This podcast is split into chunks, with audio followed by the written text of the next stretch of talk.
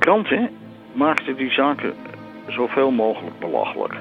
Dus er werd hoe langer hoe minder over gesproken. Door er niet meer over te praten, ja, verdwijnt dat langzamerhand ook. De Dag van Toen podcast. Geschiedenis uit Zuid-Holland. Met Dave Datema.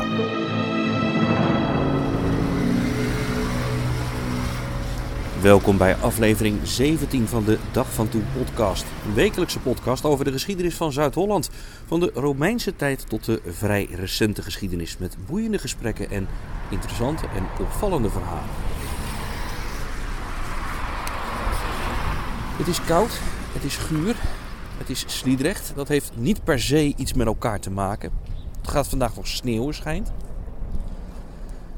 Maar twee jaar geleden kwam mijn collega Aris van Meteren met een bijzonder verhaal. En dat speelt hier, in dit Sliedrecht.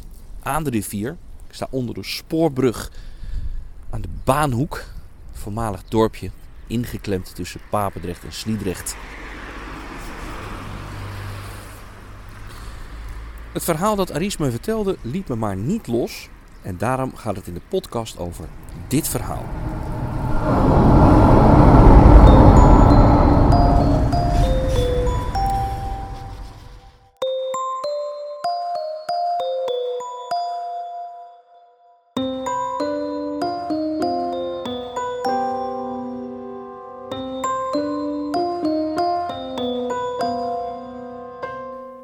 In Sliedrecht is justitie een onderzoek begonnen naar een mogelijk geval van duiveluitdrijving. Het slachtoffer werd door haar buren beschuldigd van hekserij. Ze werd tegen haar wil vastgehouden en kreeg een drankje voorgeschoteld waar een onbekend middel in zat.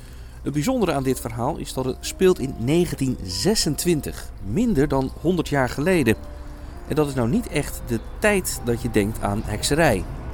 Van de oude woningen waar het destijds speelde is nu niets meer over. We staan nu bij de spoorbrug. Die lag er toen overigens in 1926 ook al. Die oude woningen, ja, die zouden hierachter hebben gelegen. Maar van die oude woningen is weinig meer over. Achter de rij huizen aan de rivier liggen nieuwbouwwijken. Maar hier moet dus ergens dat verhaal hebben gespeeld over bizarre beschuldigingen over hekserij, duivelsproeven en onttoveringen.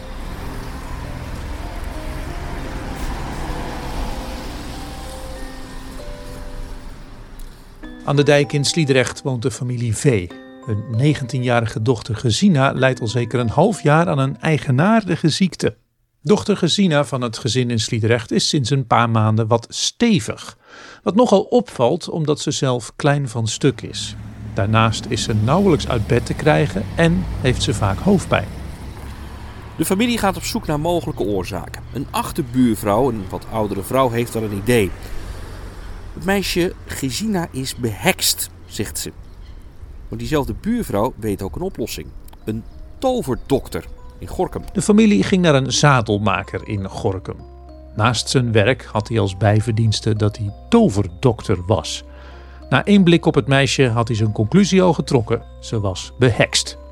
Dat stelde hem wel voor het volgende probleem, want hij moest de heks zien te vinden, want alleen zij kon de vloek verbreken. Ga naar huis en de vrouw die het eerst naar de welstand van je dochter vraagt, heeft in haar binnenste de kwade geest waarmee het ongelukkige kind behekst is. Tot slot gaf de zadelmaker moeder en dochter nog een wonderdrankje mee, dat ze de toverkol moest laten opdrinken, waarna zij de dochter zou zegenen, zodat de betovering ophoudt en ze weer gezond en vrolijk wordt.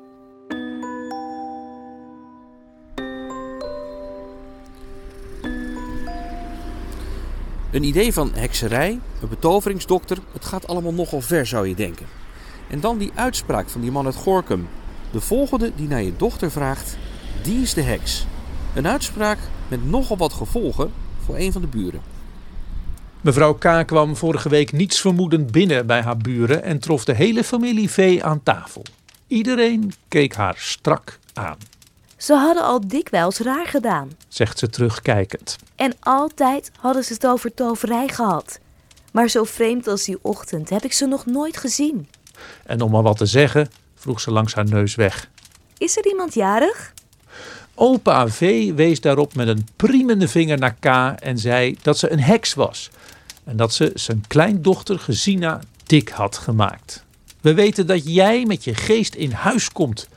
Dat meisje heb jij in je macht. En de bomen in het land staan te verdorren. Dat meisje dat zo zwaar wordt, heb jij zo gemaakt. En nou eisen wij dat je er een eind aan maakt. Mevrouw K. hapt nog naar adem als ze het vertelt. Natuurlijk had ze ook wel gezien dat Gesina de laatste tijd flink dikker was geworden. Maar nog voor ze op de beschuldiging kon reageren, dwong de familie V haar een raar drankje te drinken. Ik begreep er niets van. En toen was het plots tijd voor een glaasje wijn, zeiden ze. Of ze nu één of twee glazen inschonken, dat weet ik niet. Want ze hielden me de hele tijd aan de praat. De wijn smaakte zuurig en ik voelde mijn lip wegtrekken. Toen ik het op had, wilden ze dat ik het meisje zou zegenen. Ik raakte helemaal overstuur en wilde naar huis. Maar ik mocht niet weg. De familie eiste dat ze Gesina zou zegenen. K weigerde. Daarna bood de gegoede familie haar eerst het enorme bedrag aan van 100 gulden. Ze boden op een gegeven moment zelfs geld als ik haar beter zou maken. En toen ik zei dat ik het geld niet nodig had, begonnen ze te dreigen. Toen was het genoeg en ik stond op om weg te gaan. De achterbuurvrouw was voor de deur gaan staan en wilde me er niet uitlaten. Intussen was mijn zoon thuisgekomen. Toen hij hoorde dat ik werd vastgehouden, kwam hij naar het huis en trok aan de bel. Mijn zoon heeft toen een trap tegen de deur gegeven, waarop ze hebben opengedaan en ik weg kon. Thuisgekomen vonden ze allemaal dat mijn lippen blauw zagen. Later kregen mijn lippen wel de normale kleur. Hoe zou het verhaal zijn afgelopen als de zoon van mevrouw K. niet op tijd was thuisgekomen? Geen idee. Gelukkig maar overigens. Het is en blijft wel een bijzonder verhaal. De uitspraken van mevrouw K. komen uit de Telegraaf uit 1926. Want ook de kranten uit die tijd hadden door dat die sprake was van een heel bijzonder verhaal. Want in de 20e eeuw nog een compleet geloof in hekserij, het is bijna niet voor te stellen. Hoe kan dit? Waar komt dit vandaan? Behalve de kranten van destijds hebben meer mensen zich in het verhaal verdiept. Henk Kooijman schreef erover in de jaren 80 in zijn boek Volksverhalen uit het grensgebied van Zuid-Holland en wat andere provincies, maar Kooijman is niet meer in leven. Dan maar proberen bij de historische vereniging van Sliedrecht, maar daar kom ik ook niet veel verder. Kees Holleman schreef er in 2006 een lang verhaal over, maar ook hij is niet meer in leven. En binnen de vereniging kunnen ze me ook niet verder helpen, laten ze weten via de mail. Er is nog iemand die zich verder in het verhaal heeft verdiept. Een deskundige op het vlak van volksverhalen die er zelfs op is gepromoveerd bij de universiteit. Maar hij woont tegenwoordig in het buitenland.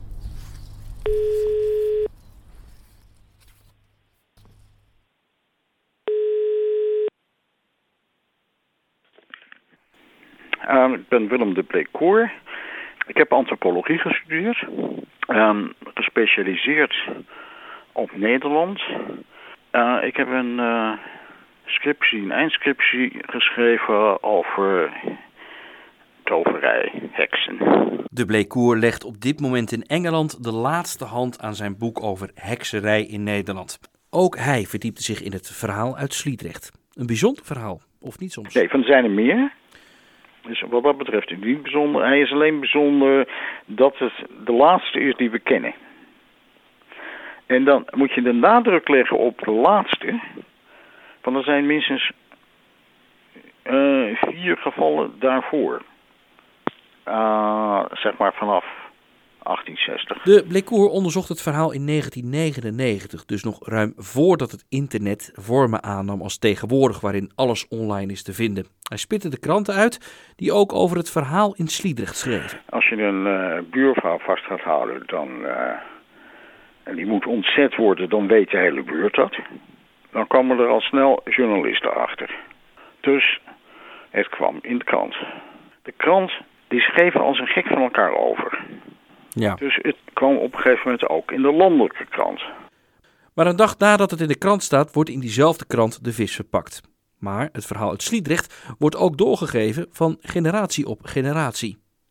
In de jaren 60 is er een volksverhaalonderzoek geweest. En de onderzoeker die actief is geweest in het riviergebied, Henk Kooijman. Die heeft een man gevonden in Sliedrecht die zei... eh, ja, ik ken dat geval nog en daar heeft uit een stuk in de panorama over gestaan. Nou, was de panorama... Ik geloof niet dat die toen al bestond. Maar eh, dat was eh, destijds het leven. Daar stond dit geval ook in. Schriftelijke overlevering, er is een mondelinge overlevering, die gedeeltelijk weer gebaseerd is op die eh, schriftelijke, over, schriftelijke overlevering. En er is een eh, pictorale overlevering. Dan het gezin in Sliedrecht. Hoe heeft het zover kunnen komen dat ze dachten dat hun buurvrouw een heks was? Het kwam vaker voor, sinds 1860, zeker vijf keer. En er is een overeenkomst tussen die gevallen, zegt de bleekoer. Dat gezin is dus in, naar vrij grote waarschijnlijkheid streng protestants gereformeerd. In die richting. Waar baseert u dat op? Dat ze met die Bijbel gingen spelen. Mhm. Maar bovendien, Sliedrecht ligt midden in de Nederlandse, wat ze- wat ze noemen Bijbelbelt. En dus als je toverij vindt in die streken, dan eh, zijn degenen die daarmee bezig zijn vrijwel zeker sterkgelovig. De bleekoer begint over de Bijbel. Om uit te zoeken wie de dochter heeft betoverd, doet de familie de zogeheten sleutelproef. En daarbij speelt die Bijbel een rol. Je hebt een betovering, dus je moet uitvinden wie dat gedaan heeft. heeft. Mhm. Ehm, je kan wel de buurvrouw verdenken, maar je moet zekerheid hebben. Je neemt een, eh, een dikke vette sleutel, een kruissleutel. Die stop je in de Bijbel. Maar er zijn waarschijnlijk verschillende plaatsen voor. Een van de plekken om die in de Bijbel te stoppen is eh, in de openbaringen van Johannes. Dan bind je de hele zaak vast. En dan zodat die Bijbel aan een touwtje hangt. De vrij, als je, eh, meestal neem je een vrij zware Bijbel. Dan ga je vragen wie er betoverd heeft.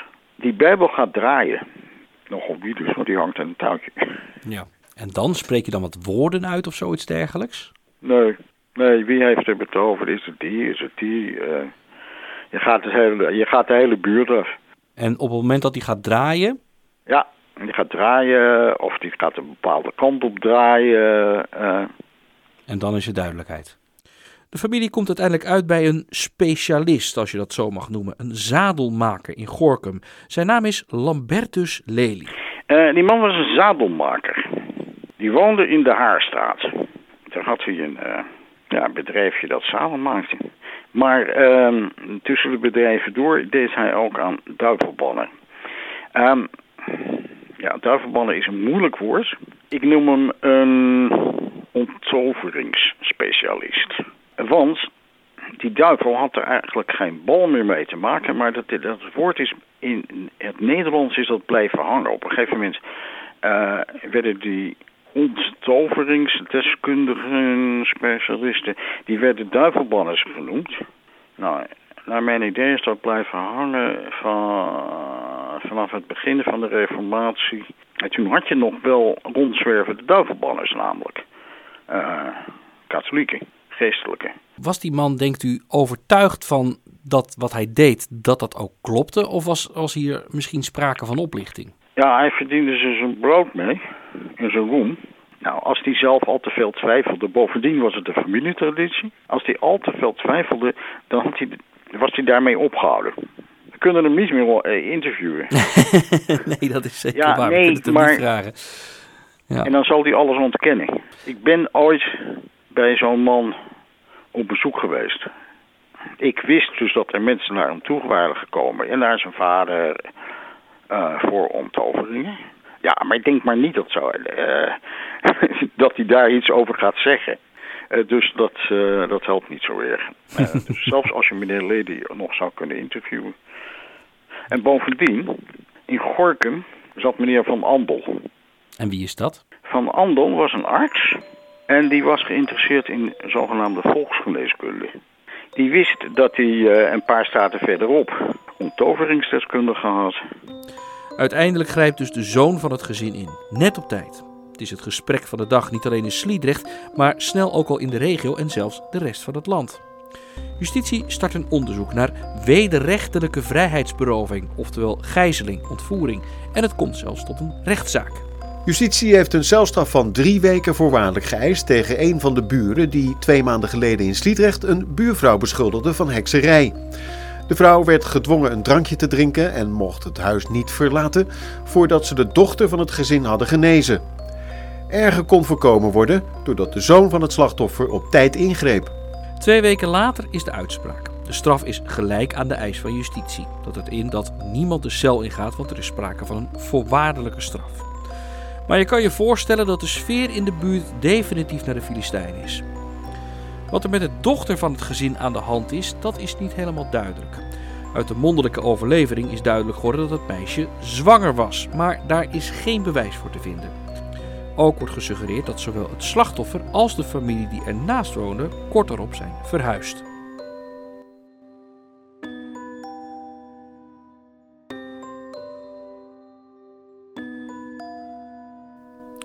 Het was al eerder gezegd. Ondanks dat het in de 20e eeuw speelde, staat het verhaal in Sliedrecht niet op zich. Er is in diezelfde periode nog een geval in de buurt bekend. Het is een geval in Rotterdam. Is een jongetje. Dat uh, gaat uh, drop kopen bij een, uh, een weduwvrouw. En op een of andere manier zegt ze iets wat, hij, wat hem niet zint. Dus die komt thuis.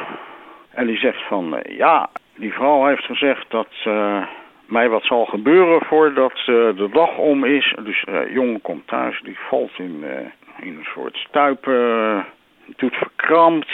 Ik weet niet, schuim uit zijn mond, whatever. Dan komt er een verpleegkundige langs. Die onderzoekt die jongen en die geeft hem een draai voor kont, voor zijn kop. Want zoveel was er met die jongen uiteindelijk niet aan de hand. Maar toch weer een geval van hekserij, werd aanvankelijk gezegd. Niet zo spannend als het verhaal in Sliedrecht, maar toch. En verder niet zoveel meer. Maar daar is een logische verklaring voor, zegt de Blikkoer. Het zijn een beetje de laatste gevallen die in de krant komen. Wat suggereert u daarmee? Het gebeurde nog wel, alleen het haalde de media niet meer? De kranten maakten die zaken zoveel mogelijk belachelijk. Dus er werd hoe langer hoe minder over gesproken. Door er niet meer over te praten, ja, verdwijnt dat langzamerhand ook. Ja, een soort visueuze cirkel. Ja. de Blekoer is in Engeland bezig met het verdere onderzoek naar volksverhalen in Nederland. Dit verhaal in Sliedrecht hoort er ook bij. Hoe liep het verder met deze families? Was Gesina nu echt zwanger en heeft ze een kind ter wereld gebracht? Het zijn allemaal vragen die nog verder onderzocht kunnen worden. Werk voor een toekomstige generatie, zegt de Blekoer. Wat ik zou willen voorstellen. Ja? Is uh, nou, als het een beetje werkt, als er iemand zin heeft om dit echt uit een treuren uit te gaan zoeken, dus ook al die dingen die niet direct uh, gepubliceerd zijn, contact op met mij nemen, dan, uh, dan praten we erover en dan geef ik wat ik heb.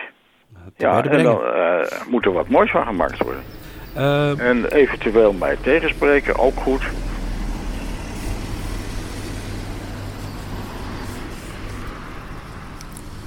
Willem de Bleekhoer, historisch antropoloog en deskundig op het gebied van hekserijverhalen in Nederland. Het verhaal over de beschuldiging van hekserij in Sliedrecht staat verder uitgewerkt op de website www.dagvantoen.nl. Ook vind je daar een link naar dit verhaal in de show notes. Uit de oude doos. In de rubriek Uit de oude doos geluidsfragmenten of filmpjes uit het archief van Open Beelden. Deze week was Brielle groot in het nieuws omdat het 450 jaar geleden was dat het stadje werd bevrijd door de watergeuzen. We gaan nu 50 jaar terug de tijd in, naar 1972. Een beeld van Brielle. Onder damp en rook van het Europoortgebied, dat zijn best doet hypermodern te zijn, ligt het stadje Den Briel, dat juist bezig is zijn oudste aspecten weer naar buiten te keren. De bouwwerken uit voorbije eeuwen worden zorgvuldig bewaard. Maar de oude stadswallen zijn intussen begroeid en overwoekerd. Den Briel is nu bezig ze uit te graven en zoveel mogelijk in de oude staat te herstellen. De muren komen uiteraard niet meer terug, die hebben hun nut verloren sinds de dagen van de watergeuzen.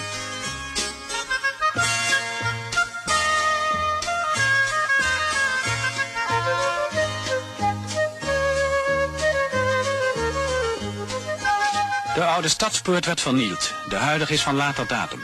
Maar er is veel gebleven dat het stille stadje een glans van historische grootheid verleent.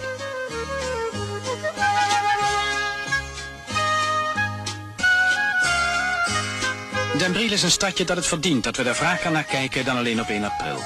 Want dat het op die datum 400 jaar geleden op de Spanjaarden werd veroverd, was toen al een toevalsactie die intussen wel is verjaard. Het verdient onze aandacht eerder om de trouw waarmee het zijn stedenbouwkundige erfenis bewaart.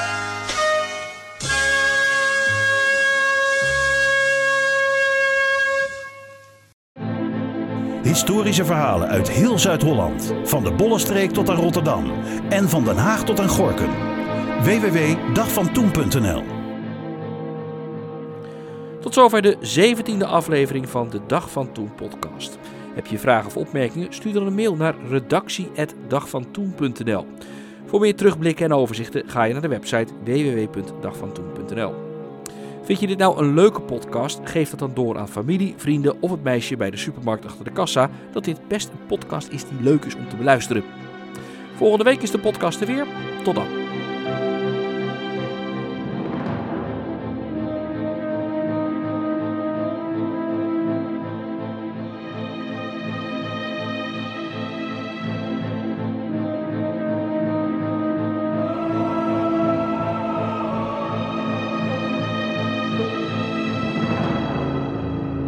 Geschiedenis uit jouw omgeving. Dit is de Dag van Toen podcast.